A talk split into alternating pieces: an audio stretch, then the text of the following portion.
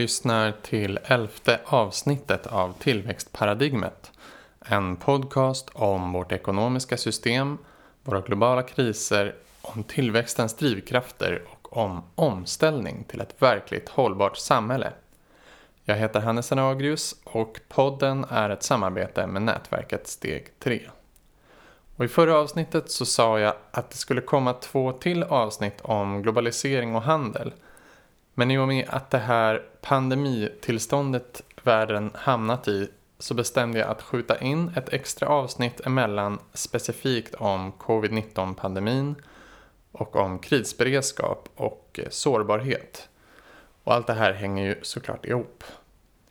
Vi kommer höra ett precis nyligen inspelat samtal jag hade med Johan Langgren som gästade första avsnittet i podden. Johan är författare till boken Olja för blåbär, har en blogg med samma namn och driver Youtube-kanalen Evolution Show.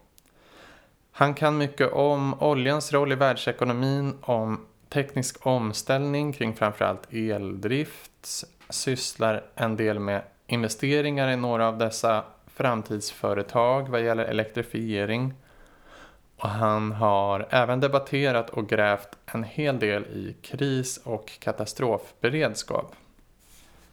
Jag säger inte så mycket mer i introt den här gången så att vi hinner med hela samtalet. Läget ändras ju snabbt i den här pandemin och i världspolitiken. Så några av sakerna vi tar upp blir säkert utdaterade rätt snabbt. Några av orosmolnen jag läste om bara nu idag, 9 april, är att eh, brist på migrantarbetare inom jordbruket antagligen kommer leda till kraftigt höjda matpriser i världen på speciellt frukt och grönsaker. Samt att Oxfam med en rapport visar att en halv miljard människor riskerar att hamna i fattigdom på grund av den ekonomiska krisen. Så om jag låter hoppfull kring vissa saker i avsnittet så ha med att detta är en katastrof. Men vi kommer in lite grann på lösningar för att göra ekonomin mindre sårbar i slutet av avsnittet. Men eh, vill ni veta mer om konkreta systemreformer för hur, för hur ekonomin kan bli oberoende av tillväxt och därmed mindre sårbar och hålla sig inom planetens gränser så skrev jag en text 2018 på Supermiljöbloggen med sju olika ekonomiska reformer den heter En ekonomi oberoende av tillväxt. Ni kan söka på den och mitt namn, Hannes Anagrius. Tyvärr har det hänt något med de gamla texterna på deras hemsida så i stort sett alla stycken är borta just nu. mm, så vill ni ha en lite mer lättläst version så är det bara att mejla mig på tillväxtparadigmet gmail.com så skickar jag den till er. Yes, och jag kan tillägga att vi såklart gjorde den här inspelningen på distans via Skype. Men den här gången spelade vi faktiskt in varandra var för sig med bra ljudupptagning. Så ljudkvaliteten tycker jag är rätt hygglig. Men här kommer samtalet. Tjena Johan! Tjena, tjena Hannes! Hallå! Vad har du för dig nu? Ja, jag är väl mitt uppe i det här och försöker ta in och anpassa mig till det nya läget som de flesta andra tror jag. Ja. Um, mycket handlar väl eh, för min del att uh, se till att de man bryr sig om och så har det de behöver och jag tänker framförallt på de som kanske som är lite äldre eller som uh, vänner och familj och så så att man, mm. man undviker att mm. åka iväg i onödan och sådär att man har mat hemma och, mm. och sådana saker. Så det är mycket praktiskt egentligen och uh, sen även naturligtvis ekonomin och så där. Jag har jag haft eh, investeringar fram till innan det här eh, drog igång liksom och då har man på börsen då liksom och då har man ju sett till att eh, sälja allting så jag sålde väl det här. Ja, du var ute i ganska... god tid där. Ja, faktiskt var jag. till, skill skillnad från en själv med sin småsparande. ja, men det blir så när man är mer, kanske lite mer van att, att se sådana här saker, men jag tror även folk som är lite mer vana på börsen och så, så är det många som gör det här misstaget att man, man ligger kvar, man tror att det ska, ska vända liksom och då kanske man ät, hela vinsten man har gjort och den äts ju upp väldigt fort liksom. Ja. Så att, ja. Nej, så det, men det, annars är det bra med mig, jag har klarat ja. mig i alla fall och sådär. Jag hoppas att du också har klarat ja. dig bort från sjukdomar och sånt. Absolut, jag har varit jättefrisk. Eh, men det är kul att du är tillbaka i podden tycker jag. Ja, tack. Ja, det är kul att vara tillbaka. Det är ett eh, hett och viktigt, eh, verkligen viktigt ämne vi har att prata om här. Verkligen. Ja, det är verkligen, alltså det, det är en lite surrealistisk känsla nu. För man själv så har, känns det som att så här, allt är ganska lugnt. Liksom. Jag jobbar hemifrån mycket. Mm. Um, och det är inte så stressigt och uh, så här, känner mig frisk. Uh, förutom att man är lite så här, orolig för världsläget. Liksom. Mm. Men samtidigt så i sjukvården så är det liksom kaos. Och um, ja. Uh, även i äldrevården verkar det vara mycket liksom Mm. Uh, och så an andra har det inte så lugnt.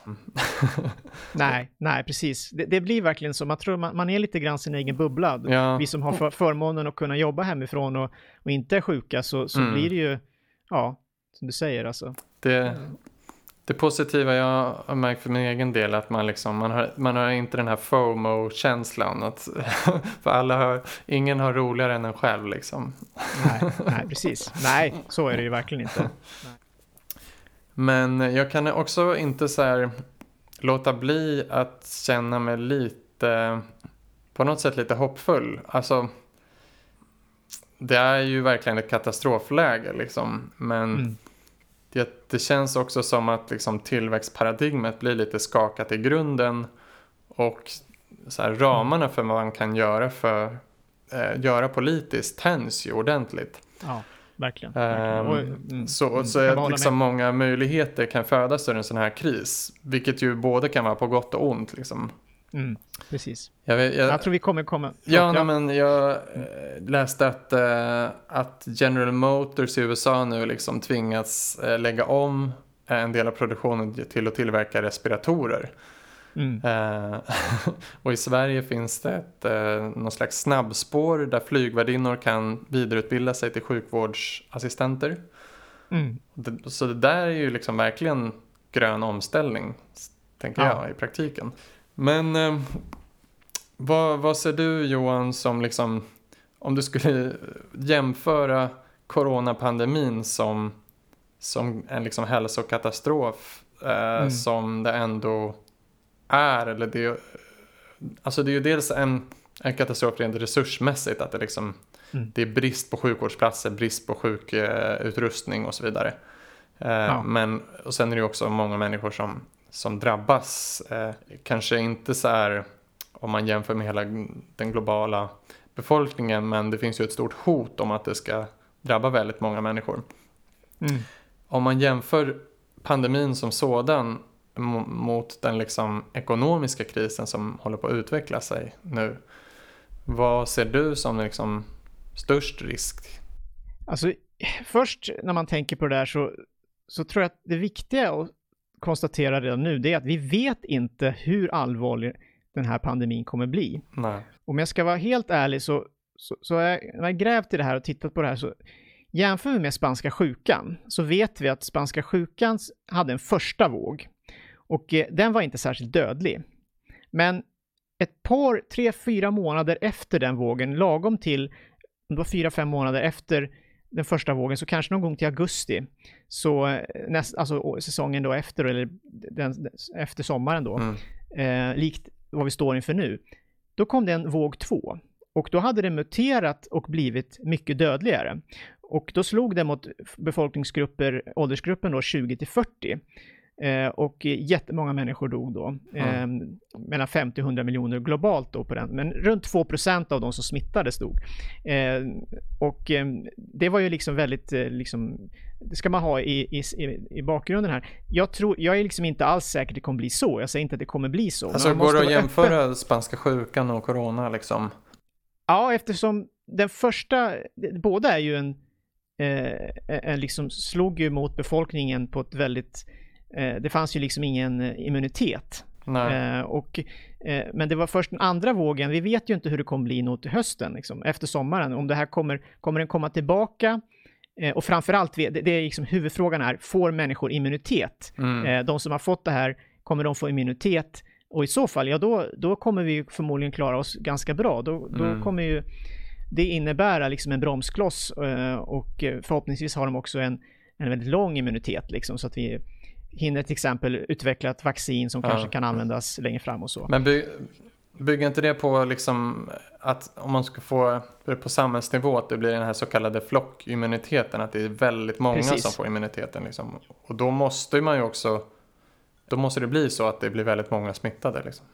Ja, eh, men prognosen nu, som jag säkert du också har koll på, är att i april räknas det som att när april är ut så kommer Sverige eh, ha ungefär 50% av befolkningen räknar man med har smittats. Ehm, och det innebär att då kommer mm. risken eh, kraftigt minska att liksom man får det sen efter. Så håller vi ut i, i, i april här så kommer det ja, en bit in i maj så kommer det vara allt svårare mm. att få smittan för de som är, för alla kommer ju inte få det här. Nej. Och det är det vi hoppas. Vi hoppas ju kunna skydda den gruppen som är mest sårbar. Ja.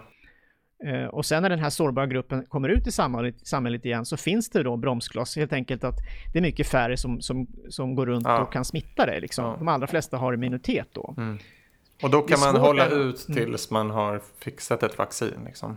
Ja, eh, eh, antingen att vi fixar ett vaccin eller att eh, den här immuniteten är så stor helt enkelt att vi inte behöver eh, vaccin. Eh, för att då har ju så många fått det redan så att då, eh, visst, man kan, då, jo, har du rätt men då, klart, de här riskgrupperna ska ju kunna ta ett vaccin ja, förstås. Då, så det garanterar sig för eller ja. så. Mm. Så att visst, ja. Men det, det är liksom det ena som jag tycker bara att man ska ha, jag har inte pratat så mycket om det, jag tycker det är viktigt att förstå att det finns en sån risk. Jag säger inte att det blir så, men jag tycker att man måste vara öppen och kunna säga att det, det, kan, vi vet inte, eftersom vi inte vet ännu hur det blir med immuniteten så ska vi vara Nej. väldigt försiktiga och se hur det blir liksom. De pratar Men, ju mycket om en andra våg, liksom att det ska komma i ja. höst.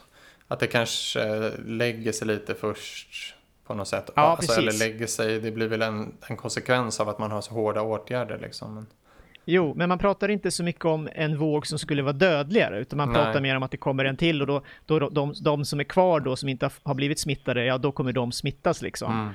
Eh, men, men, och att du vet att viruset kanske på något sätt skulle få bättre spridning och så eh, mm. på vintern, det vet vi inte. Men, liksom. men för att sätta det här i ett sammanhang, den här nuvarande krisen vi befinner oss i, eh, så, så, tror jag att det är bra att påminna sig om att det här är annorlunda. Eh, bara för att nämna då så det här med så, hur är den här coronakrisen eh, i förhållande till, en, till säsongsinfluensan liksom. Och det, det tycker jag är bra att ta upp ibland för att få folk att förstå allvar. För det finns fortfarande väldigt många som inte mm. förstår att coronakrisen eh, sjukdomsförfallet, eh, förloppet eh, och riskerna för individerna är så mycket större mm. generellt sett över en befolkning. Och då tar jag bara de här siffrorna så kan man folk sätta ett sammanhang. Det dör alltså totalt 300 000 i världen cirka i en vanlig säsongsinfluensa varje år. I Sverige så dör det ett par hundra varje år ungefär från säsongsinfluensa. Det värsta senaste åren det var 2017-2018 säsongen. Då var det drygt tusen som dog på mm. ett år. Eh, och nu i, just i det här ögonblicket när vi spelar in så har det ju dött ungefär 282 av eh, i eh, covid-19 då. Ah. Och det är ju bara de senaste veckorna som det har varit. Och naturligtvis så kommer vi komma upp i ett antal tusen i Sverige. Hur många det blir, blir det blir det upp till 50 000 som dör av det här eller blir det liksom 10 000 eller någonstans. Men det kommer bli mm. långt, långt över. Eh, mm. Naturligtvis, det förstår vi själva, vi tittar på exponentialutvecklingen här. Men, men och, och, globalt då så kan vi bara konstatera att så sent som för några dagar sedan så gick USAs ledande statsepidemiolog Antonio Fauci ut och sa att, och det är det som har fått eh, Donald Trump nu att ändra, flytta fram, de har ju nu flyttat fram 30 dagar, eh, mm. den här sats, ja, karantän och allting då. Och han säger att mellan 150, eh, Antonio Fauci då, han säger att 150 till 240 000 amerikaner kommer att dö om, om i, i ett best case scenario. Så, så notera Oj. alltså, i ett best case scenario så dör mellan 150 till 240 000 och då betyder det att de Vadå, sätter in... även om man sätter in extrema åtgärder? Ja. Och det säger han nu. Hade det inte satt in de här åtgärderna, då kommer över 2 miljoner amerikaner att dö. Och då kan vi jämföra det här med 300 000 i hela världen säsongsinfluensa. Och nu jämför jag bara med USA. Så USA kommer troligtvis hamna någonstans kanske där säsongsinfluensan per år, bara dem. Och det finns ju naturligtvis jättemånga andra länder som tillsammans kommer göra att det kommer vara långt, långt över 300 000 människor som kommer dö i, i, i covid-19 jämfört med säsongsinfluensan. Mm. Så att det, det här är viktigt att förstå att det är därför man sätter in de här åtgärderna, för det här är verkligen inte mm. en säsongsinfluensa. Så det tycker jag är viktigt. Och det riktigt att... läskiga kanske är när det börjar sprida sig till riktigt fattiga tätbefolkade ja, länder precis. som Indien och Afrika. Ja, precis. De har sämre immunförsvar, de har sämre förutsättningar, de kan inte tvätta sig. Men, eh, ja, men det, det är det ena. Men det andra är väl liksom ekonomin. Då blir det, det, det är ju så himla svårt att överblicka då. Ehm, det beror ju på det här med flockimmuniteten naturligtvis. Men eh, det man måste, kan konstatera redan nu tycker jag det är ju att alltså, väldigt många otaliga företag kommer att gå i konkurs. Mm. Eh, och tusentals livsöden i Sverige och i andra länder naturligtvis motsvarande kommer ju förändras i grunden av det här. Mm. Eh, det kommer bli en omstart för väldigt många företag liksom. Och jag tror vi kommer återkomma till det, liksom, vad det kommer krävas av samhället mm. när det mm. gäller omskolning och, och så. Men eh, mm.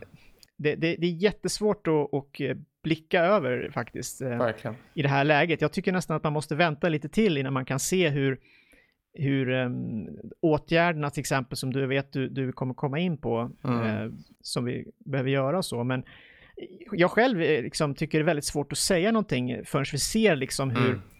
hur, hur den här flockimmuniteten, hur vi uppnår den. Och jag, jag hoppas vi gör det och så, men jag, jag räknar också att det här kommer ta det kommer ta ett antal månader till innan det, innan liksom det värsta är över. Ja. Och sen, sen kommer ju bara den här efterföljderna, hur vi bygger upp det här igen.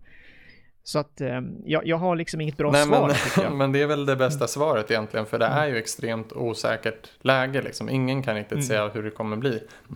Nej. Och eh, jag tänkte vi skulle komma in på börsen, för börsen är ju liksom, den reagerar ju på osäkerhet liksom. Mm. Och mm i vanliga fall så liksom försöker tusentals olika investerare lista ut eh, inte, inte bara liksom hur den faktiska ekonomin kommer utveckla sig utan kanske framförallt försöker man lista ut vad alla andra investerare hur de, hur de tänker liksom. Mm. Så det blir en så här dubbel mind game att man, man försöker lista ut hur, och inte ens det, för det är liksom, man försöker lista ut hur de tror att alla andra reagerar. Mm, ja, precis. så det är trippel mm. mind game. Och nu Verkligen. ovanpå det så lägger man liksom det här eh, med att det är en, en, medicinsk orsak till krisen. Mm. Och ja. då måste man ju vara medicinskt kunnig och inte bara medicinskt kunnig utan man måste veta hur det slår mot samhället liksom. Mm. Så det är väldigt mycket ja. osäkerheter. Ja, jag, jag, skulle vilja säga att jag reagerade först i ganska tidigt, jag ska inte säga att jag gjorde det redan i december, men jag började tänka kring det. Men jag, i alla fall i början på januari när jag såg vilka insatser som Kina satte in. Och då tänkte jag på liksom direkt att de vet någonting som vi inte vet. Mm. Eh, och eh, tänker man sen på exponentiell tillväxt som du är väldigt insatt i så, mm. så vet man ju att jag, tycker det var väldigt konstigt, det är märkligt, det var även många investerare, många i alla fall liksom kända liksom i stora program och även en del kända investerare och sådär och på börsen och så. Man pratar hela tiden om att nej, men det är så få fall liksom och att de sätter in sådana enorma åtgärder. Men, men, vänta lite nu, varför skulle de sätta in sådana jätteåtgärder med, med den risk med, som det innebär för ekonomin för Kina liksom? Mm. Om det inte fanns skäl till det liksom. Det var det första jag tänkte liksom. Mm. Och när de tog, tog mer och mer åtgärder så tänkte jag liksom, ja det här blir jag tänkte, jag tänkte inte liksom att det här var extrema åtgärder. Jag tänkte mera, okej, okay, om det här kommer till oss, då kommer vi inte kunna göra det här. Nej. Det var, det var så jag tänkte liksom. Och nu eh, görs det ändå i Europa. Och nu görs det, så att det, det är lite grann, det, det, på något sätt, det är märkligt för man var så väldigt kritisk till de här åtgärderna och sa att det var drakoniska åtgärder och så i Kina. Men, ja. men titta vad vi gör nu, vi gör precis samma sak. Förutom Sverige då som beter sig lite ja, annorlunda. precis. En ja. lite snällare approach. Ja, som, men jag kan bara säga det här med börsen som mm, du var inne på, ja. snöa in på Kina. Men, men alltså, eh, det, det, jag tänker att, eh, jag tror att, jag tycker man märkte det också, att börsen hade inte räknat in det var det jag vill komma till, hur långdragen omfattande den här coronakrisen skulle bli. Man, man, tänkte liksom att ja, men det här händer i Kina, nu fixar de det här. Mm. De verkar sätta in allt de kan och det, det har de resurser att göra.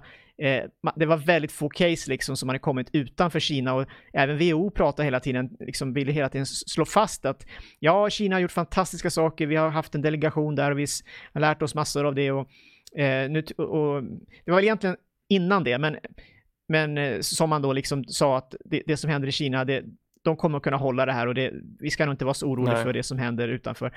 Men efter delegationen har varit där, ja. Då, då drog man ju slutsatser om att jo, det här som Kina har gjort, det var effektivt. Eh, karantän för första gången i världen i stor skala var effektivt mm. och en rad andra åtgärder som de gjorde liksom. Eh, och, och, det tog väldigt lång tid innan börsen liksom förstod att det här faktiskt kan hända utanför mm. Kina Eh, ja, och allt vad det är. Och, och, nu kanske man snabbspolar fram till nu. Så framförallt tror jag sista veckan här, två veckorna, när det nu börjar hända saker i USA och det slår fäste i USA, det visar sig att USA kanske blir, om inte lika, eller minst lika illa som Italien i numerär och förmodligen mm. ännu värre. Mm. Eh, Men får jag fråga här, för, mm.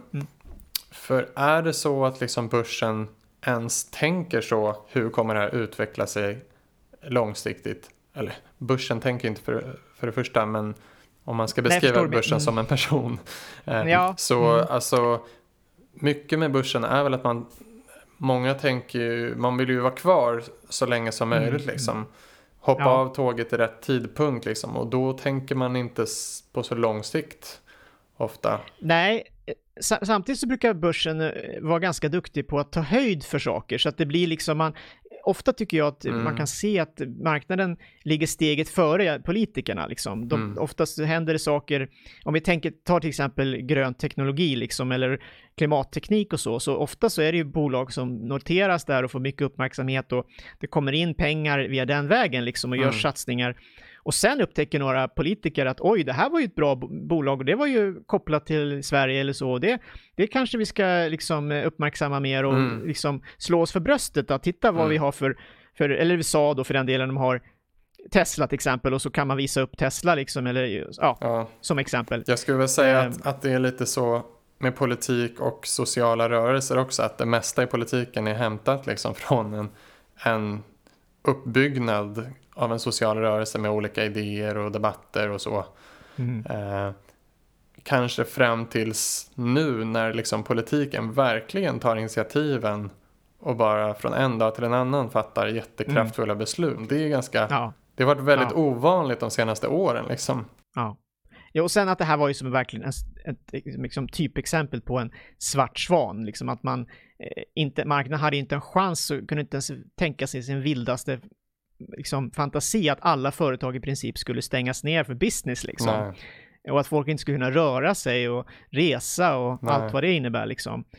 Och när, det, när den verkligheten kom, kom ikapp liksom marknaden, det är då vi såg det här, de här börsrasen. Då, då, liksom, då förstod de att det här är på riktigt liksom. Det är inte så att vi, det här är inget, framförallt det här är inget som kommer vändas på kort tid, utan Nej. det här kommer ta månader. Eh, och kanske år innan, innan liksom det kommer tillbaka till, ja, om det nu kommer tillbaka. Eh, att, Samtidigt, ja. vi kommer in på krisberedskap och så sen, men det är ju ganska tydligt att det, det tänket finns ju inte liksom på varken börsen eller politiken riktigt. Nej. Eh, eftersom det har ju varnats för pandemier under en lång tid av vissa forskare. Ja. Eh, I och med globaliseringen vi har, i och med djurindustrin framför allt, liksom, att man hanterar väldigt mycket djur på liten yta liksom och nu kom, tror man ju att det här kom från hanteringen av han, alltså handel med vilda djur. Men... Ja, precis. Mm. Ja. ja. Ja, det finns, jag kan nämna en anekdot där apropå eh, börsen och, och liksom risktänkande. Så läste jag nyligen att eh, LinkedIns grundare hade gjort en undersökning i Silicon Valley för att och då hade han fått reda på att eh, hälften av eh, liksom, stora investerarna och så i Silicon Valley, de hade förberett sig på privat plan för liksom eh, eh för kris, mm. för djup kris innan det här liksom. Och att eh, det var ett inslag om det här också, att Wall Street, så på Wall Street så är det många eh, liksom investerare också som också förbereder sig privat. Och det handlade mycket om att de är vana att tänka risk. Mm. Och de har gjort en iskall kalkyl om att riskerna i världen är så pass stora mm. att de inte räknar med att kunna få hjälp i en krissituation, att staten inte ska hjälpa dem och därför måste de förbereda sig privat. Och, och vi ja, pratar liksom inte om några... Precis, eh, att så här, de här um, stora bunkrarna som vissa miljardärer har byggt upp liksom. Mm, mm. Eh, mm. Men man riskerar gärna eh, andras pengar. ja, exakt. exakt. Ja, men i förra avsnittet så, så pratade jag lite om eh, hur de här olika politiska krisåtgärderna har också påverkat utsläppen i världen. Och eh, nu kom det nya satellitbilder över Europa som även här visar att det har varit drastiska minskningar av de hälsoskadliga kväveoxiderna på hela kontinenten och speciellt i storstäderna. Och eh, sen samtidigt som coronakrisen så lite i skymundan har det ju pågått ett, ett priskrig mellan OPEC och Ryssland som har sänkt oljepriserna. Mm. Och nu såg vi bara idag att de har eh, rusat upp igen. För att det har skett någon slags överenskommelse där mellan eh, USA och Ryssland. Ja, sa Ryssland och eh, Saudiarabien här mm. har något sorts eh, avtal eller överenskommelse på gång här då. Eh, Trump ja, uttalar sig om att eh, något, något löfte om det då och då så stack priset upp då 24 procent för eh, eh, amerikanska prissättningen då, mm. West Texas Intermediate, men det som är intressant för oss i resten av världen är ju Brenten då och, det som är det traditionella internationella oljepriset och det stack upp med ja, nästan 18 procent alltså. Så att det är en enorm ökning bara på ett mm. sånt uttalande. Ja, verkligen. Uh, men det, trots detta att då oljepriserna ändå har legat lågt fram tills nu och EUs utsläppsrätter har ju sjunkit drastiskt också. Uh, så minskar ju efterfrågan på både utsläppsrätter och olja. Mm. Um, och ja, utsläppen går ju klart neråt liksom.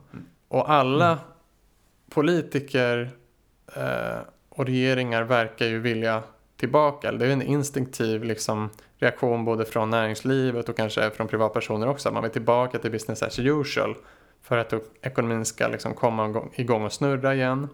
Men eh, det var en ganska bra artikel av eh, Johan Rockström i Svenska Dagbladet om att man borde istället använda den här krisen till att faktiskt göra en grön omställning. Liksom. Ja. Mm. Eh, och ställa krav på vilka företag man räddar. Och vi kommer in mer på det. Men mm. hur ser du på liksom hela den här krisen i relation till det som vi pratade om eh, första avsnittet, nämligen ekonomins beroende av olja? Ser du några liksom paralleller där? Ja, alltså, ja, alltså det är ju som du sa väldigt, jag tror det är väldigt viktig poäng som Rockström har där. Jag tänkte också det här med hur använder vi den här situationen nu på bästa sätt? Eh, för att vi är ju då fortfarande extremt oljeberoende. Det, det visar ju också USAs, den här reaktionen på, som Trump och som har fått Saudiarabien och, och, Ryssland och då USA som normalt annars liksom agerar på en marknad med enorm konkurrens. Liksom. Mm. Så USA känner sig tvingade här i det här läget.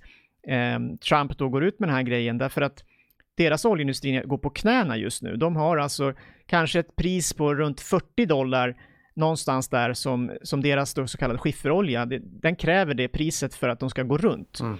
Eh, för några år sedan så var den uppe på kanske, alltså 60-65 sa man att det var eh, priset som krävdes för att det går runt och det, det, finns många bolag som kräver fortfarande det, men de har blivit effektivare och så, så vi kan, låt oss säga att de klarar 40, 45, 50 kanske. Det är man, man eh, räknar och, per fat olja eller?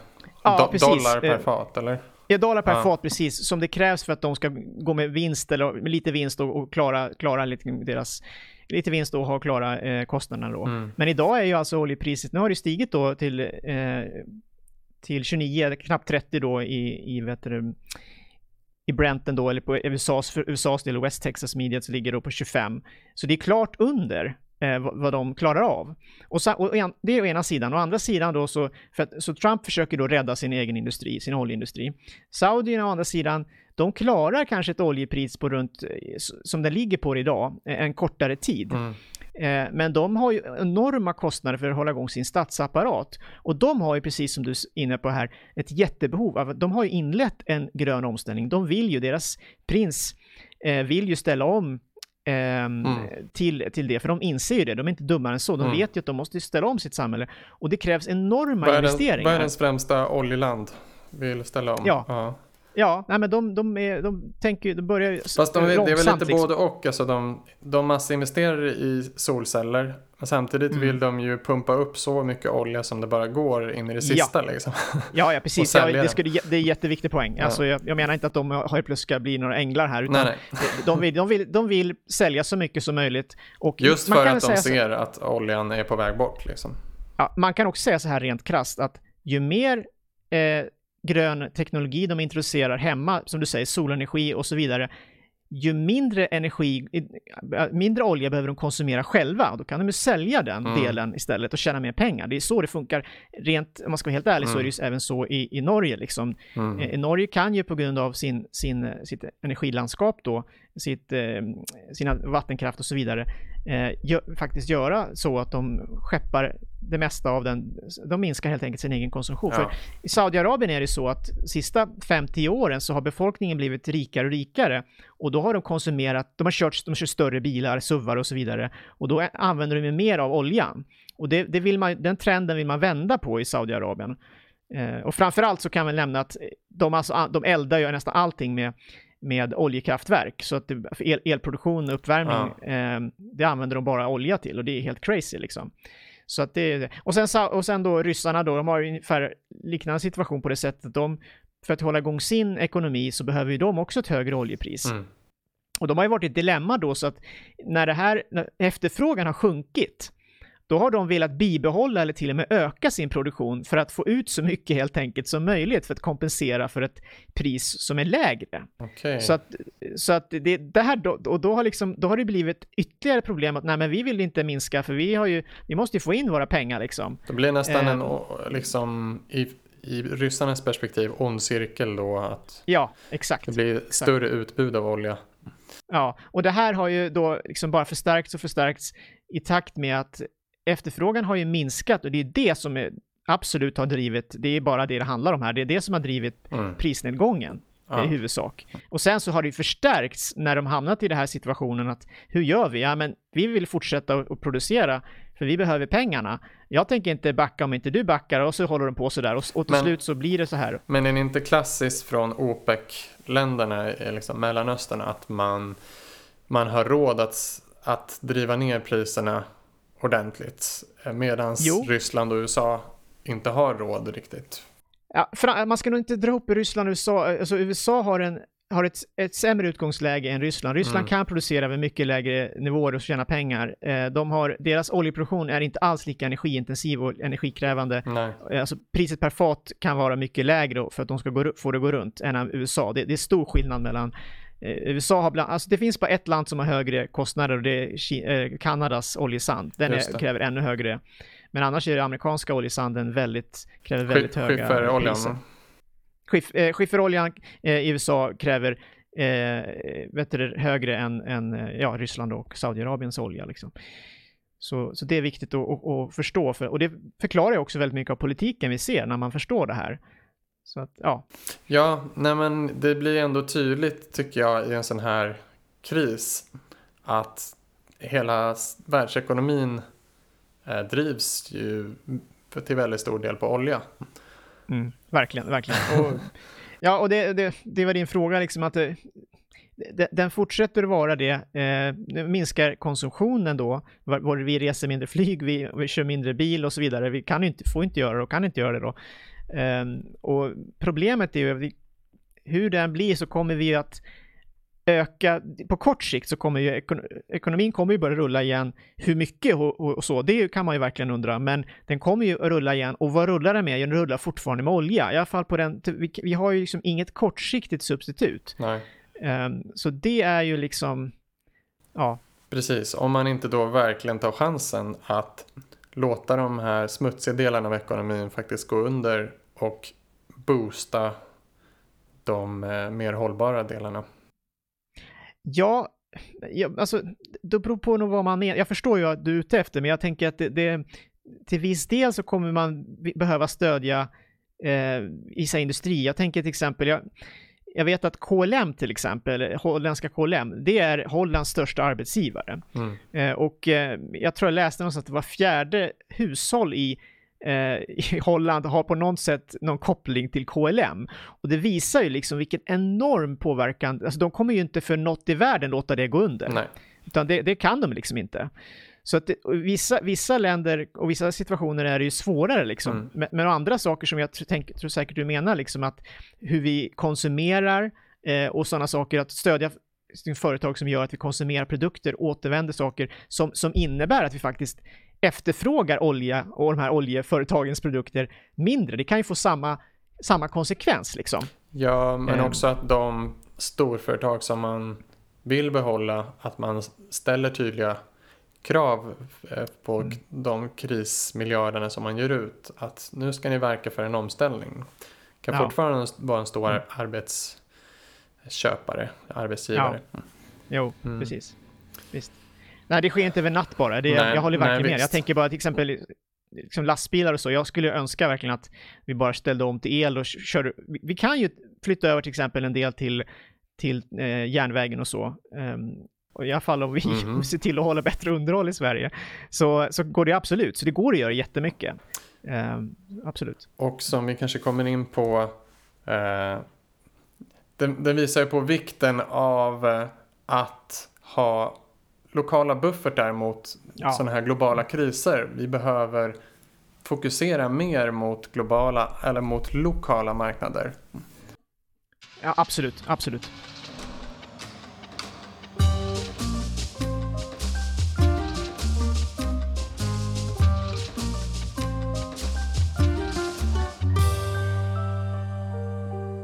Du har ju kritiserat eh, Sveriges krisberedskap en del. Vilka områden skulle du säga är mer eftersatta än andra?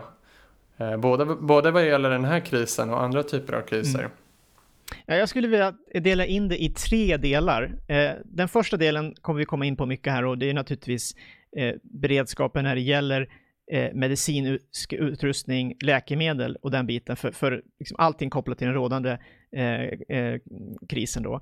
Sen har, vill jag ta, även ta upp matförsörjningen och matproduktionen som, mm. som också hänger ihop med, som du var inne på, hur stärker vi och bygger en hållbar ekonomi? För det går hand i hand. Liksom. Har vi en lokal ökad självförsörjning av mat, ja, då kan vi ju ha företag och jordodlare och så vidare som innebär massa positiva effekter för ekonomin också i övrigt. Mm. Liksom. Det skapar en trygghet, det skapar nya gemenskaper, det skapar eh, nätverk, hur mycket som helst som är positivt med det liksom. Jag tror det är väldigt underskattat. Eh, men sen den tredje som jag också på något sätt kan glömmas bort ibland och det är det här med cybersäkerhet. Jag tror att mm. eh, det gäller kanske i första hand är det ju liksom viktiga myndigheter och, och samhällsbärande funktioner och även företag i Sverige att lägga ut det på entreprenad och ha till exempel eh, liksom skyddet utåt så att säga för de här företagen. Vi kanske måste börja överväga, dels så har definitivt har det i Sverige, men även vissa företag kanske vi måste börja tänka mer analogt. Eh, jag menar mm. att om man tänker hårdra det här så till exempel energiförsörjningen och energisystemen i Sverige, det här som har hänt med Transportstyrelsen som avslöjades och så, mm där massa liksom nyckelpersoner i Sverige inom Försvarsmakten och det kan ju vara inom polisen och allt möjligt som kanske avslöjas för att vi inte har skyddat det. Liksom. Det, mm. det, det, det, är inte hållbart att tänka så. Eh, och inte, inte om vi har en kris allra helst, liksom, då, då måste vi skydda de här delarna i Sverige. Det liksom ligger i hela Sveriges intresse. Så anteckna det och sätta det i pärmar i, på kontoret istället? Ja, alltså, absolut. Vi kan ju se, bara som ett kort exempel, vi vet ju att man lyckades ta sig in i, i ett liksom eh, ett, iranskt kärnkraftverk mm. och styra eh, liksom deras eh, system där inne. Eh, och det gjorde man via att det kom in via ett, eh, om jag minns rätt, så via ett, en USB-sticka som någon hade med sig in och så kopplade in där och så kunde man då styra det och det är en lång historia kring det. Men, men det, det viktigt är att vi, centrala system i Sverige måste ha eh, rigorösa skydd och jag tror vi har varit väldigt slappa med det i Sverige. Vi ligger långt framme med, med IT-teknologin, men att skydda systemen är mm. vi inte alls lika eh, långt framme liksom. Eh, och att när vi tänker då krisberedskap, då måste vi ta ett steg tillbaka och tänka, måste de här systemen överhuvudtaget vara uppkopplade? Mm. Och, och, vilka ska få ha tillgång till de här systemen? Och på vilket sätt? Vi måste liksom börja tänka på att vi måste ha vattentäta skott för, för de viktigaste, viktigaste systemen i Sverige. Och det är egentligen är det bara sunt förnuft. Vem som helst som tänker på krisberedskap mm. och, och, har liksom landets intresse i första i första intresset liksom, den tänker på det här. Men det, det hänger ihop med det som vi, du har varit inne på, det här med just in time och allting, flytta kostnader, ja. spara pengar. Ja. Precis, man har, det har ju liksom den senaste, de senaste decennierna kan man väl säga, eh, eller det finns en, en liksom underliggande drivkraft hela tiden av att minska kostnader och göra den här trade-offen mellan effektivitet, kostnadseffektivt då, eh, mm. och eh, resiliens, alltså ja, ett, ett skydd mot kriser och en anpassningsförmåga. Ja, precis. Och, eh, eh, och då försvinner ju det som har, alltså redundans som man brukar prata om, att det har mm. flera parallella system som kan täcka upp för varandra. Ja. Till exempel när du kom in på det här med analoga system är jag en förespråkare av att vi ska verkligen behålla kontanter. Eh, mm. Så att vi har ett betalsystem ifall hela det digitala slås ut. Liksom. Mm, verkligen. Hur, verkligen. Hur ser det ut med vårt beroende av elektricitet? Finns det någon krisberedskap där? Jag vet att det finns liksom eh, reservkraftverk för sjukhus och så mm. vidare. Precis, och det där är jätteintressant. Eftersom vi pratar om sjukhus så kan vi ta det som exempel att där är det beroende på hur mycket diesel kan vi få fram till det där eh, ja. sjukhuset. Så att vi kan bara hålla igång det där så länge. De har ju en viss mängd säkert. En rejäl flaskhals där också. Då. Ja, det är det. Eh, men sen då, totalt sett i Sverige så har vi ju indelat i tre delar, så att det är inte så att om ett eh, kärnkraftverk går ner eller en eh, eh, liksom i södra delen av Sverige eller så, så, så, så stängs hela svenska elnätet. Så som tur är så är det i alla fall indelat på tre nät. Men eh, det är fortsatt så att är det så att en, en, del, ett område skärs av på grund av att en ledning går ner och så, ja, då mm. kan det ju vara sto en stor del av Sverige, som, eller stort bostadsområde, eller en stor del av Sverige som, som blir utan ström. Mm. Och, och, då är det ju liksom... Och det är så himla mycket som är strömberoende liksom. Ja, och, Vår kommunikationer, internet ja, eh, och även som man tänker så ja men vattnet ska väl ändå fungera, men vattnet är ju pumpar.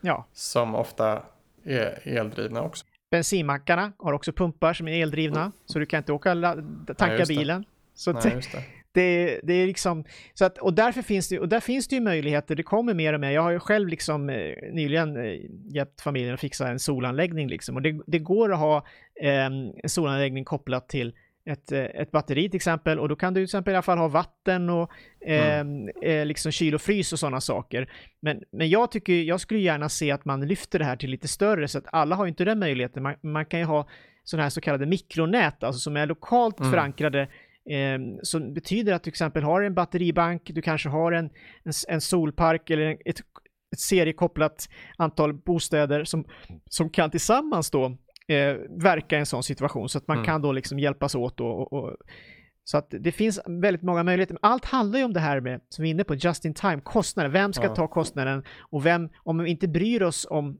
Vi gör det här för att det är bra för samhället. Vi gör det inte för att vi ska tjäna massa pengar, utan det, det här är en långsiktig investering. Nej. Vi kanske inte får tillbaka det här på 10-15 år, men när vi väl har det, då har vi något som är fantastiskt. Liksom, när det men det är ju mycket man faktiskt kan spara in eh, pengar om man skulle gå ihop Absolut. Eh, en liten by eller med sina grannar. Ja. Något, ja.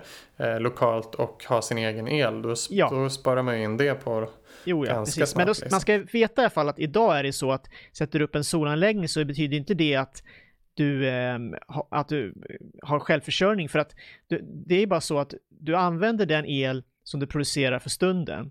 Men på natten så har du inget, om du inte har ett batteri så kan du inte använda det. Och är det så att det blir strömavbrott, då är det automatiskt så att de här väx växelriktarna som du har då för att omvandla likströmmen till växelströmmen så du kan använda huset då, den, den är gjord så att den stänger ner automatiskt om det blir strömavbrott på det stora nätet. Så du kan fortfarande inte använda dina solcellspaneler eh, till ditt eget hus när det blir strömavbrott. Så det är helt, helt tokigt. Men det, det, ja, men det, det, kan man, men det går att gå ja. runt om man har mm. ett batteri liksom. Men det är ju finurligt att um, omställningen till ett uh, mycket mer klimatsmart elsystem också gör oss mindre sårbara. Ja, precis. precis. Uh, alltså förnybart. Ja. Mm.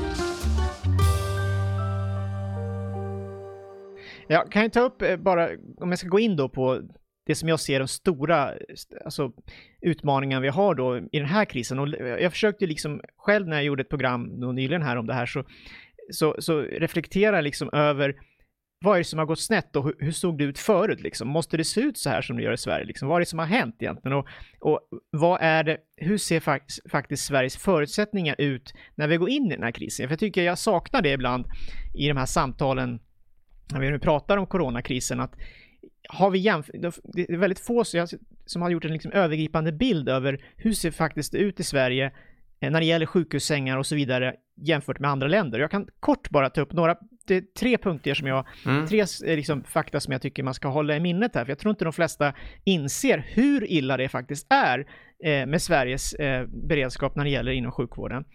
Sverige har alltså de lägst antal sjukhussängar per invånare i Europa. Då pratar jag alltså generellt, inte intensivvårdsplatser utan bara sjukhussängar.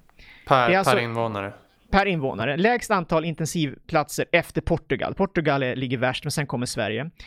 Inom OECD så är vi Sverige, är vi Sverige sämst. Det finns bara ett land som är sämre och det är Mexiko. Innan krisen började så hade vi också den högsta sjukhusbeläggningen eh, på, på, per sjukhusplats. Alltså hur många sjukhusplatser var upptagna? Jo, det ligger redan på ungefär 100 procent. Och det här kan till exempel mm. jämföras mm. med, med Italien då. Så Italien tar man ju upp som exempel som det är liksom det värsta som, mm. som, eh, ja, som drabb, mest drabbat av corona just nu. Och där hade de innan krisen 80% sjukhusbeläggning. Så där kan vi tänka liksom, okej, okay, de hade redan där bättre förutsättningar än Sverige. Sen är det så att när det gäller då eh, intensivvårdsplatser så det här är liksom det värsta. Sverige hade 5,8 intensivvårdsplatser per 100 000 vid, vid krisens utbrott. Sen har man gjort massa åtgärder vi kan säkert kommer komma på, in på. Men Hur kan det Italien vara 5,8 hade... per 100 000? Ja. Mm. Det är så extremt eh, lite. ja, ja. Medan Italien hade 12,5. Alltså mer än det dubbla än vad Sverige hade. Ah. Och eh, som jämförelse, för att ta då vilket, vilket land har klarat sig bra i Europa? Jo, det har Tyskland gjort. Ja, hur, vad, vad, kommer det sig då? Jo, Tyskland hade alltså mycket bättre förutsättningar. De hade ungefär fem gånger så många intensivvårdsplatser som Sverige innan, äh, innan det här hände. Och äh, en annan punkt som kommer snart, till, men det kan vi återkomma, men det är alltså också så här att testningen i, i Tyskland har varit rigorös jämfört med andra europeiska länder. Så man har hela tiden kunnat skydda de grupperna, eller minskat inflödet av de sårbara grupperna, tack vare att man kan identifiera grupper i områden. Mm. Och sen en punkt till som jag vill gärna nämna och det är att 1990 och fram till, ja, man kan säga en bit in på 90-talet, så hade Sverige dessutom 900 intensivvårdsplatser i standby och det var fördelat då på 50 militärsjukhus, 30 inom eh, inom armén och 20 inom marinen. Så totalt 900. Och idag har vi bara två fältsjukhus med totalt 50 intensivvårdsplatser. Och då ska man sätta det här i ett sammanhang. Alltså 1990, då bodde det bara 8 miljoner människor i Sverige. Mm. Så hade det bott 10 miljoner människor mm. i Sverige då, då hade man haft, vad blir det då, 1080 intensivvårdsplatser vid den tidpunkten om man hade tänkt på det sätt man gjorde då. Och hur många intensivvårdsplatser var det nu sa du? 50. Och det är de du har sett då som har, man har använt 30 av dem i, på Älvsjö eller Stockholmsmässan nu då. Och 20 ska, ska användas ungefär då i, i Göteborg där de ska bygga ett, fältsjukhus där ja. också. Ja, är... Men hade vi haft det här, ja förlåt, fortsätt. Nej, nej, jag bara, eh, det, det har gått då från över 1000 ah, 900, 900 ah, okay. extra. 900 mm. till 50. Till 50. Ja, det är en extrem mm. minskning på den tiden på väldigt kort tid. Ja. Liksom.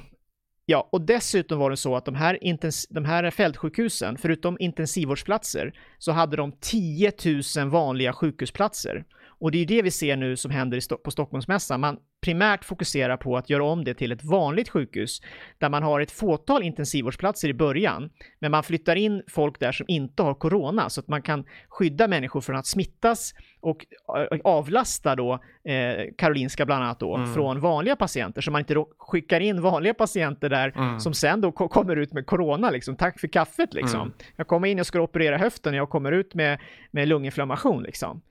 Eh, det här är en lärdom också som vi hade från Kina. De var tidiga med det. De insåg det att vi måste, be, vi måste bestämma, identifiera att de här sjukhusen, de är bara, tar vi bara coronapatienter. Mm. Och är, är det vanliga patienter där, ja då får vi flytta dem till andra sjukhus där vi kan ha vanlig sjukvård.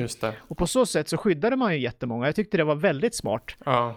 Eh, men, det, liksom. alltså, men inte Älvsjö exemplet, är inte det tänkt för att vårda bara coronasmittade? Jo, så där ja. har man ju lärt sig och det tycker jag, Precis. och det har man, där tycker jag att vi ska vara, eh, man måste ju kunna både ge, ge liksom Ris och ros. kritik här och, ja, ja eh, och där tycker jag att eh, det visar både eh, liksom civilsamhället, försvaret och även myndigheterna verkar ha gjort ett väldigt bra jobb där. De har liksom mm. på kort tid byggt upp det här och det verkar så att inom, nu när vi spelar in det här, om jag ska säga det den 2 april då, så eh, så, så, väntas det inom den här veckan redan och nästa vecka så tror jag det var, så ska den vara uppe på maximum då runt, de ska, jag tror runt fem, 600 totalt ska de kunna ta in där, mm. men de skulle skala upp det till 500 tror jag först någonstans där. Det var, det var eh, fler vårdplatser än Karolinska läste jag någonstans. Ja, Ja, precis. Ja, och det har man gjort man på den här korta tiden om man jämför då med ja, ja, liksom världens dyraste sjukhus.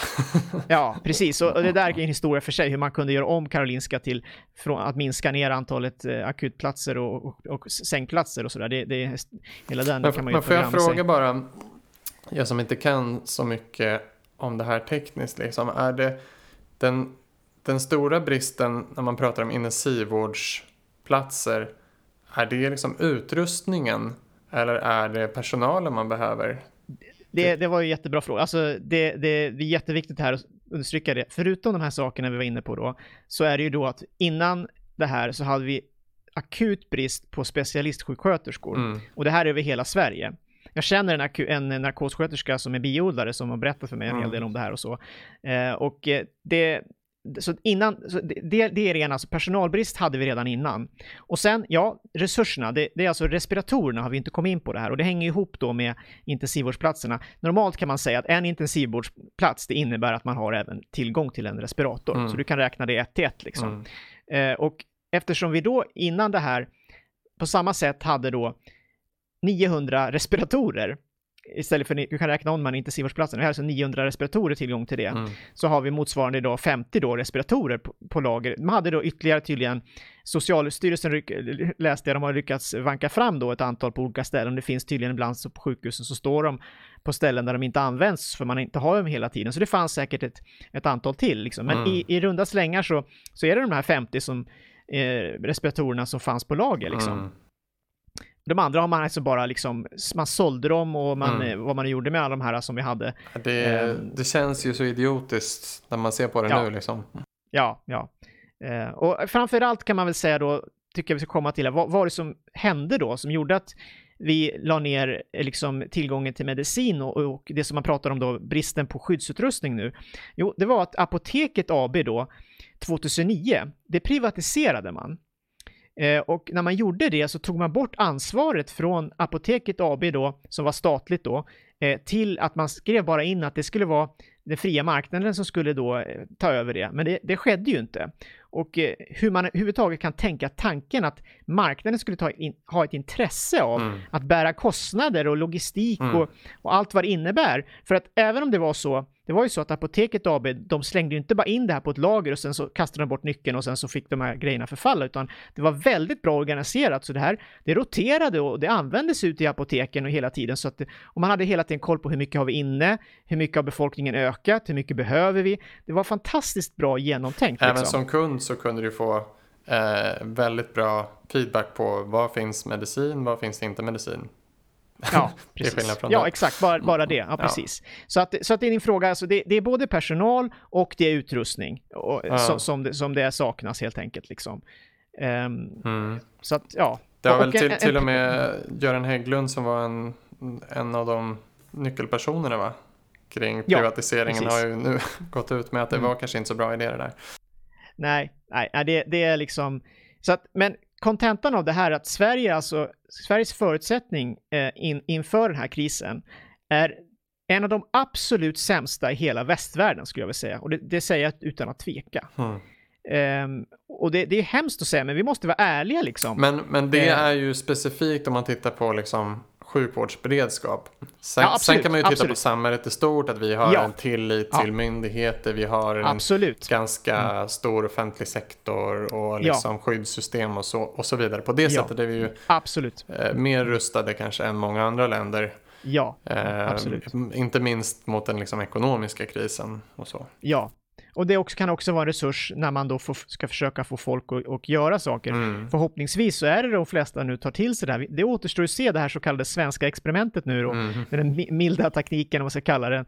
Men i botten vill jag ändå trycka på att förutsättningarna resursmässigt och allting, det är under all kritik. Vi måste mm. lära oss av det här. Vi kommer komma ur det här och jag tror att vi kommer lära oss jättemycket av det. Men det, det, är liksom, vi, måste, vi får inte upprepa det här igen. Nej. Det får inte hända igen. Liksom. Och, och jag tror att risken är eh, att vi gör, gör om det igen bara på ett annat sätt. Och då menar jag att det kan bli så att nästa gång kanske det är leveranser av mat som inte kommer fram till Sverige. Mm, så därför kan vi inte bara man säga Man täcker upp med intensivvårdsplatser men man ja. importerar all, all, alla livs, livsnödvändigheter i övrigt. Ja, Precis, något annat händer som gör att vi, transporterna kommer inte fram, vi får en kris i Europa, you name it, eh, som gör att det är en naturkatastrof, någonting händer. Och, och, då måste vi kunna ha bättre beredskap och, och då, då är det både det här med mat, högre matproduktion inhemsk, men även ha till viss del eh, på lager. De viktiga, vissa, vissa grejer som vi kanske måste köpa in och så. Mm. Och vissa saker som, som vi, vi, vi måste ha, liksom, ha en tid att ställa om. Så om det händer en kris så kanske vi har i alla fall ett antal månader som vi kan förse befolkningen med det absolut nöd nödvändiga. Vilket vi hade Sen, i efterkrigstiden väl? Ja, precis. Ja. Eh, och eh, om jag får bara avsluta med en sista grej mm. så är det ju liksom att då säger alla, men det här är ju bara just in time, vi kan ju inte, vi måste ju förlåta Sverige för det och det är ju liksom alla andra är ju typ samma situation så det, det är väl bara att Sverige har gått lite längre. Ja men titta då på våran granne Finland. Mm. De är med i EU, så vi kan inte skylla på att det är EU som säger det här med statsstöd och så, man får inte stödja, lägga upp lager och så, för det är liksom inte mot, det är mot EUs regelverk mm. om fri konkurrens och så. Nej men vänta nu, titta på Finland. De har precis det som vi hade fram till 90-talet.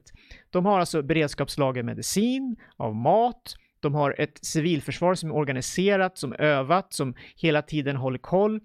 Eh, och, så att uppenbarligen så går det att göra. Mm. Så att vi har, vi har möjlighet att lära av till exempel Finland och se hur man kan göra och, och börja tänka om liksom. Mm. Menar jag i alla fall. Verkligen. Att, mm.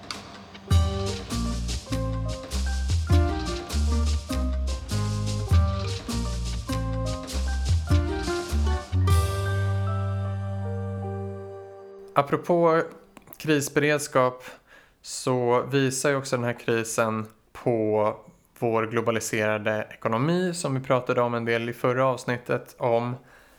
Vi ser just nu hur tillväxtekonomin globalt sett antingen tar en paus eller faktiskt är på tillbakagång. Det, det vet vi inte riktigt än.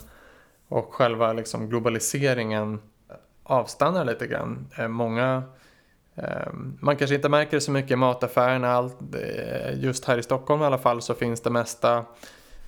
Och eh, det är mycket handelsflöden som funkar ungefär som, som vanligt. Men kanske framförallt för på företagsnivå så märker man väl att liksom eh, alla olika delar man behöver för att skruva ihop en lastbil.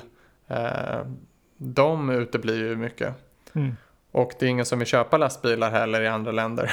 Nej. Kanske. Nej. Eller ingen, men det är många färre i alla fall. Mm. Um, och det visar ju på den här liksom just in time baserade ekonomin hur extremt sårbar den är. Ja, uh, när allting ska levereras exakt eh, när eh, man ska ha den och det ska egentligen vara på väg. Det finns inga lager och inga buffertar. Och det, företagen har ju, visar ju sig nu inte några besparingar heller utan de direkt måste, går under när folk ja. slutar handla. Ja. Så vad ser du eh, som de liksom tydligaste systemfelen i den här typen av global just-in-time-ekonomin? Alltså, det ena är ju som du är inne på här med att komponenterna, att man alltså man måste ju, vissa typer av företag och verksamheter måste ju dels ha lager, Men det andra är att de måste ju försöka fokusera, det är ju svårt det här alltså, men det, vissa företag måste ju ha, se till att försöka öka eh, se till att ha fler underleverantörer så att säga lokalt och nationellt eller regionalt. Eh, och jag tror att vi, det som kommer hända, man börjar redan prata om nu och det, det, det, är något som vi har sett redan innan det här hände, det är ju att automatiseringen gör inom fabrikstillverkning och, och, eh, och så då, så den innebär att, och möjliggör att det är inte längre den billiga man ska säga tillverkningen i Kina där vi har billiga arbetare då, arbetare som, arbetare som sliter till låg lön, utan eh, när vi nu ställer om till mer robotiserad tillverkning och så, då kan tillverkarna, eh, stora fabrikstillverkarna och så vidare, eh, tillverka i hemmavid istället eh, och hålla ner produktionen, eh, produktionskostnaderna tack vare det då. Eh, mm. och det gör att, och det här kommer vi se, jag tror att det här, konsekvensen av coronakrisen kommer bli att man ytterligare tar sådana steg. Eh, I robotiseringen? Ja, Mm. och även hitta, försöka hitta underleverantörer och så vidare, mera lokalt, regionalt och så vidare. Mm. För precis, för det vi pratade om mycket i förra avsnittet var ju att mycket av den här omlokaliseringen av produktion i globalt sett är ju för att man letar efter eh, de billigaste produktionsförhållandena vilket betyder ofta de billigaste, de lägsta lönerna. Mm. Men i och med teknik så kan man ju till synes i alla fall göra det på ett annat sätt. Man flyttar hem det men då å andra sidan materialet och delarna till tekniken hämtar man någon annanstans ifrån.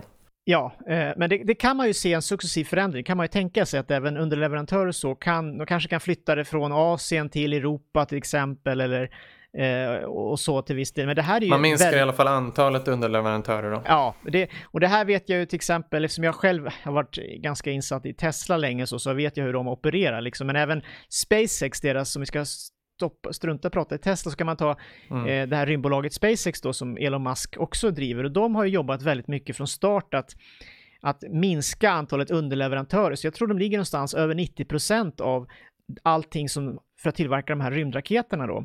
Mm. Det gör de in-house liksom själva och så. Och det är för att man har sett hur, hur sårbara man är när det fastnar någonstans i någon leverans och så står hela fabriken still. Man kan inte bygga den där raketen för man har liksom, mm. man saknar en liten, liten komponent liksom. Och man har också sett att man, man har kontroll över tillverkningen mer, för man, det finns andra fördelar också. Det är inte bara det att man man eh, liksom minskar riskerna för logistikproblem och så, utan man kanske kan se att ja, men vi har komponent A och den ska passa med komponent B. Men om vi gör någon in innovativ lösning här så kanske vi kan minska kostnaden för den här komponent B och få de här att passa eller och vi kanske kan minska antalet komponenter. Till exempel så har ju Tesla gjort så att de har minskat antal kabeldragningar som görs i bilen. Det kan ju vara jättemånga, du vet, i en bil som går mm. hit och dit. Men i och med att de själva kan styra och tänka lite outside the box liksom, så har man sett, nej men om vi minskar, drar, drar den här vägen istället, så kan vi få ner kostnaderna på så sätt. Och det kan man ju göra när man har kontroll över hela, hela kedjan liksom. Man, det, det är inte bara att man, för många biltillverkare, de har ju de allra flesta komponenterna ligger ute, tillverkas av någon annan ja. liksom. De kanske gör motorn liksom och, och så, men en massa andra delar av det hela av bilen då, det, det tillverkas. Men att, att kunna eh, hämta hem mycket av eh, tillverkningen av alla delar i till exempel eh, bilindustrin bygger väl på att man också är ett väldigt stort bolag med mycket kapital och kan bygga upp det här, mm. den liksom redundansen på något sätt. Jag tänker bara att ofta finns det ju någon stor tillverkare som verkligen har specialiserat ja. sig på att ja. göra avgassystem. Eller nu, mm. nu är inte jag så bra på bilar. Men, Nej, men det har du rätt i. Det har du jätte... Och där kan de pressa ner kostnaderna till max. Liksom. Ja, det är det här precis. med komparativa fördelar som ja, vi var inne på. Ja, absolut, ja, precis. Så att, ja, det, där, det där är ju ett dilemma. Liksom. Hur, hur långt kan man gå med det här? Um, det, det är uh, liksom det, är den stora frågan. Men samtidigt så om man går tillbaka till det här med lokalekonomin.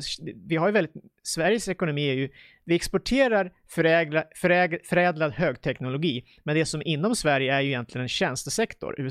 Huvudsakligen så är det en tjänstesektor i Sverige. Mm. Alltså som, som opererar inom Sverige liksom. Men en väldigt och, stor del av vår ekonomi är ju export och import. Ja, precis.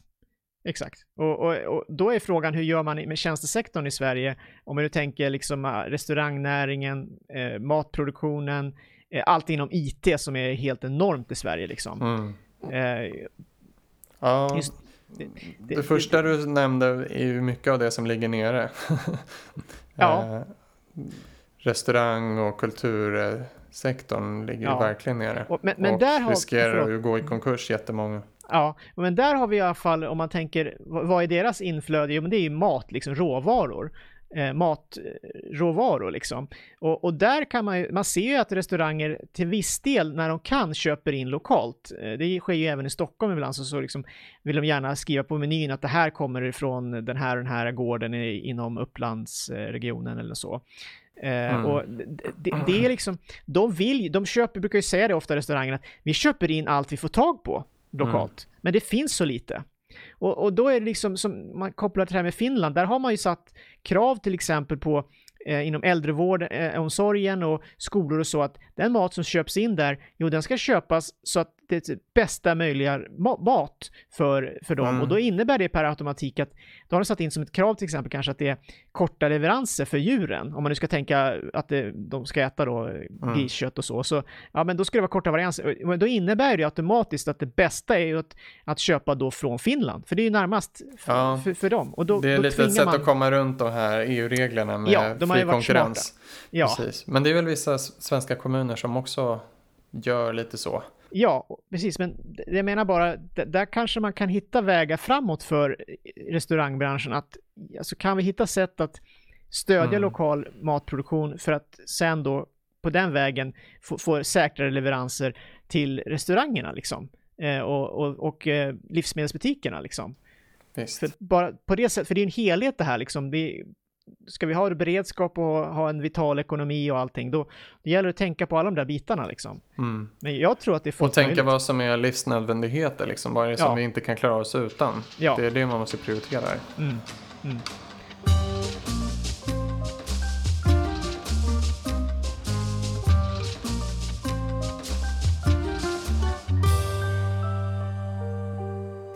Men om vi ska komma in lite på företag också och alla de här äh, stora krispaketen som regering och centralbank nu har eh, lanserat som jag pratade om lite i förra avsnittet. Så man pratar ju mycket om statens skulder och att vi i Sverige har haft en ganska bra situation, att vi har haft låg statsskuld och kunnat nu låna upp en massa pengar från Riksbanken. Eh, och eh, ge det till olika reformer och utlåningar till företag fast via bankerna då. Mm. Men eh, jag läste en siffra idag, en väldigt bra artikel av Andreas Cervenka som kritiserar finanssystemet på olika sätt. Men att eh, företag i Sverige har eh, en samlad skuld på 117 procent av BNP mm. idag. Så om vi har sänkt statsskulden så har ju vi ökat de privata skulderna enormt och där mm. är ju privatpersoner också eh, som är eh, bland de mest skuldsatta mm. eh, av alla OECD-länder tror jag vi ligger i topp där någonstans. Ja. Eh, men också att företagen har varit så extremt skuldsatta och man har inte haft buffertar för att kunna klara eh, någon kris över, överhuvudtaget och sen kommer den här extrema krisen. Mm. Och eh, samtidigt har det, man sett det som att de senaste tio åren så har man ju tagit ut extrema vinster eh, på mm. Stockholmsbörsen. Och det var någon som hade räknat ihop det med siffror från eh, Dagens Industri. Eh, att det var totalt under de här tio senaste åren 1718 miljarder kronor som har delats mm. ut ja. till aktieägarna. Mm. Och ja. då kan man ju fråga sig, tycker jag lite, om det är vi, alla skattebetalare, som ska liksom stå för den här stora krisstöden. Ja, nej det, det, det är ju verkligen alltså det är lite inbyggt i aktier att, att man inte ska behöva liksom ta det ansvaret men eh, det är ju något systemfel om man kan plocka ut så mycket under de goda tiderna och sen så fort det blir kris så ska vi alla genom staten rycka in med flera miljarder. Ja, och jag har funderat på det här det är jättebra att vi har låg statsskuld och så. Men samtidigt så, om vi nu ska tänka att vi ska satsa på framtiden, så då är ju det en kostnad vi, vi bör ta. En investering vi bör ta. Jag, skulle, jag tänkte mm. aldrig i min vildaste fantasi att jag skulle förespråka ökad belåning. Men i det här läget så tänker jag faktiskt, jag tänkte redan innan coronakrisen, att vad är det för mening med att vi går ut och säger att vi har en låg statsskuld?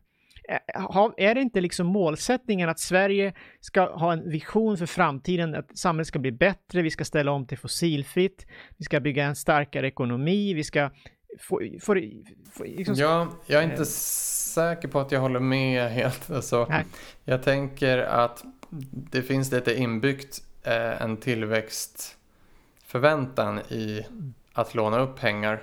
För någon måste ju betala tillbaka det. det, blir, det man skjuter ju på det till framtiden. Ja. Eh, men i ett sånt här läge som vi är i nu mm. så gäller det ju att få att kunna trygga folks försörjning och att få inte, inte få ekonomi och finanssystem att braka ihop. Liksom. Och då kan det vara befogat att ta de här lånen till nästan ingen ränta just nu. Ja. Uh, och det är ju det man har gjort, alltså att centralbanken har köpt värdepapper mm. på 300 miljarder eh, eh, i statsobligationer och staten har lånat upp via de här statsobligationerna. Så i princip har ju centralbanken tryckt pengar till staten. Mm. Eh, för att kunna låna ut till företag och gör, liksom göra alla de här reformerna. Um, det är ju både, både lättnader för företag, att de liksom ska vi se, man betalar eh, hälften av korttidspermitteringar av anställda och tar hela kostnaden för sjuklönekostnader under april och maj. Men också nu så satsar man ju mer på välfärden i kommuner och regioner eh, eh med 15 miljarder extra och jag tror att 12,5 av dem skulle vara varje år. Eh, och eh, ja, man underlättar lite för privatpersoner också med stärkt a-kassa och sådär. Men det känns ju lite som att känslan, alltså det, mycket av det här behövs ju. Eh, verkligen. Men mm. känslan är ju lite att man rädda allt som räddas kan. Alltså, ja, precis. Och man, vi måste mm. snabbt tillbaka till det vanliga. Ja, ja precis. Nej, det håller jag menar Men det vanliga att... är ju extremt ohållbart och extremt ja, ja. sårbart. Så vi måste ju verkligen lära oss nu. Och liksom rikta in samhället så att vi kan styra det mot ett hållbart och resilient samhälle.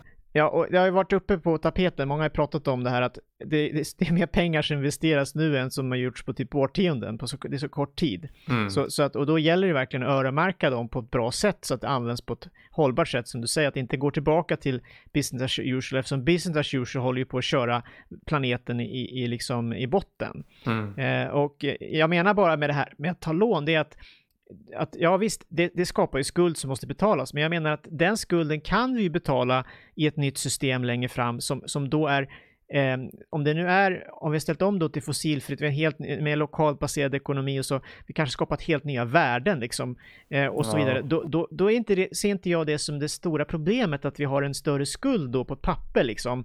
Eh, Men då tror du ändå på grön tillväxt? Ja, nej, det, det, gör jag inte. Jag, jag, när jag säger så, så eh, pratar jag egentligen inte. Det är ju ett systemskifte. Det betyder inte mm. att vi ska ha ett konsumtionssamhälle längre. Eh, jag kanske ser det här mer som att det, är en eh, mer lokalt förankrad ekonomi. Vi har mycket större tillverkning och eh, odling av mat i Sverige. Det är mm. eh, liksom, det, det, krävs ändå mm. göra investeringar för att om vi ska tänka att vi har en infrastruktur som är gemensam mm. och så vidare. Absolut måste... måste vi göra investeringar, men jag tänker att det är mycket att vi ska styra om de pengaflödena, de ekonomiska mm. flödena vi har, så att man tar från det som är ja, det smutsigt och det, det som ska avvecklas i första hand och sen mm. så investerar man de pengarna i det hållbara. Ja, absolut. Men det är svårt att kanske göra i en kris, ja. alltså det är därför vi har möjligheten att kunna låna upp pengar Mm. Eh, så det kanske är rätt att göra det nu. Men vi kommer in i senare avsnitt lite på hur penningsystemet är väldigt skevt. Att man måste gå via bank, de privata bankerna för att kunna göra. För att företag och privatpersoner ska kunna få lån så måste man gå via de privata bankerna och det där skulle man behöva göra eh, en, en stor reform egentligen. Mm. Så ja. att nyskapade pengar, om, om man nu vill sätta ekonomin i rullning, man vill ändå att eh, folk ska inte helt sluta konsumera för det är inte ens i en grön ekonomi är, ju, är det bra att det är sådana svängningar liksom. Eh, så, så hade man kunnat skapa pengar och eh, via e-kronor som är på gång eh, dela ut dem till folks e-kronakonton. Mm. Så att man, de går direkt till medborgarna istället för att gå via banken. Mm. Eh, och det är en typ av helikopterpengar. Nu är det lite begreppsförvirring att många talar om helikopterpengar eh, mm. fast de menar olika saker. Ja. Och det var någon eh, ekonom på Swedbank som pratar om att man ska ge ut nu pengar till alla eh, människor i Sverige eh, som någon slags basinkomst. Fast de vill ju då att det ska gå via banken såklart. Mm. Eh, och Trump eh, i USA planerar ju faktiskt nu att alla amerikaner ska få cirka 1000 dollar i en check. Ja. Men då är det som en engångsgrej så. Ja, precis. Man vill kicka igång ekonomin. Jag, jag, jag, skulle ju faktiskt vilja flytta ner eh, nivån från e-krona till viss del i alla fall. I alla fall komplementera det med komplementärvaluta. Jag tänker att mm. problemet är ju att flödet av pengar hela tiden försvinner ut ur lokalsamhället. Mm. Så att de är väldigt beroende av, antingen är de beroende av att komma in turister där för att den där lilla butiken eller den, den lilla eh, ekonomin där ska kunna överleva och sen försvinner det av någon anledning för det startar upp en, en billigare butik någon annanstans och då dog det samhället. Mm. Eh, det, det är så himla knäppt, det finns så mycket bra initiativ och så mycket kreativitet att starta företag och så lokalt. Det kan vara ett bageri eller vad som helst. Men, men pengarna kommer inte in, de försvinner in, de alltså flyttar en viss del av befolkningen, några kapitalstarka individer som brukar gå där, ja de mm. måste flytta eller de dör, ja då dog det där bageriet. Verkligen. Eh, ja. Så det där är också någonting att, liksom, det, det, jag bara släpper den frågan, jag tycker det är viktigt att, eh, att tänka, om vi nu ska tänka systemskifte så, mm. så, så lite, jag, ja. jag håller med. Nej, jag tror verkligen det skulle vara en del av en lösning och jag tänkte att vi ska prata Mer om det i senare avsnitt. Det är eh, svårt att få med alla lösningar här.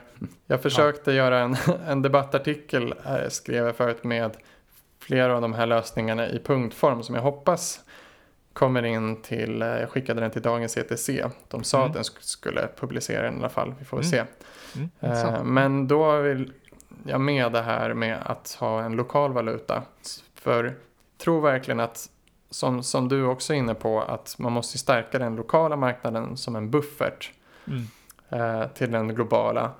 Och det har ju visat sig vid alla sådana experiment man har gjort med lokala valutor att eh, det har stärkt den sociala gemenskapen i ja, området precis. jättemycket. Det tror jag är jättevärdefullt. Alltså jag vet mm. det är, det är helt övertygad om att det Ja, så det är en stor möjlighet nu att försöka skapa någonting annat.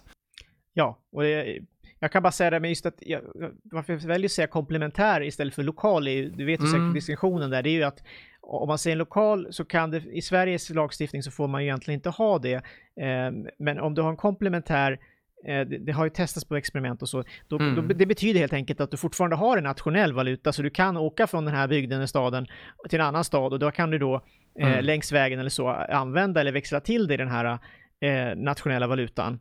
Eh, och det där med växlingen där är ju det komplicerade, för det är här det går att tjäna pengar för banker och så vidare. Det, det, där, det här är liksom Men den springande punkten. Ska, det smarta man ska göra där, eh, eftersom jag skrev om en lokal valuta i min masteruppsats, mm. eh, och eh, även det experimentet som var i, i, i, Kenya och ett annat experiment i Holland som verkar ha varit väldigt eh, framgångsrikt, som de heter Coin och de har flera sådana här eh, mm experiment och ett heter Samendoen som har mm. eh, varit väldigt framgångsrikt. Då har de eh, involverat kommunen och något bostadsbolag och flera liksom, mm. civilorganisationer.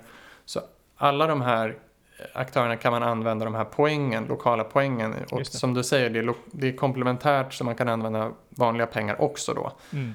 Men om man har över en viss mängd lokala poäng så kan man växla in liksom överskottet. Mm. Och det gör att den lokala valutan behåller sitt värde. Mm. Ja, intressant. Mm. mm. Ja, Men eh, vi får komma, fortsätta att komma in på alla lösningar i kommande avsnitt. Ja. Vill du säga något sista Johan? Innan vi avslutar.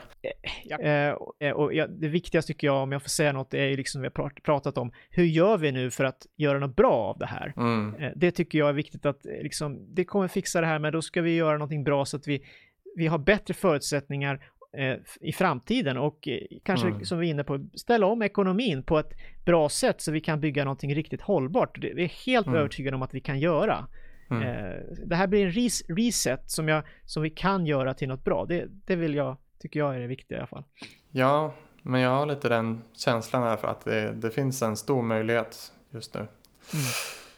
Men eh, tack så mycket för att du ville vara med i det här extra avsnittet Johan. Ja, tack. Det var jätteintressant. Ja, eh, verkligen. Ha det så bra så hörs vi. Detsamma Hannes, vi hörs ja. synas. Hej. Hej då.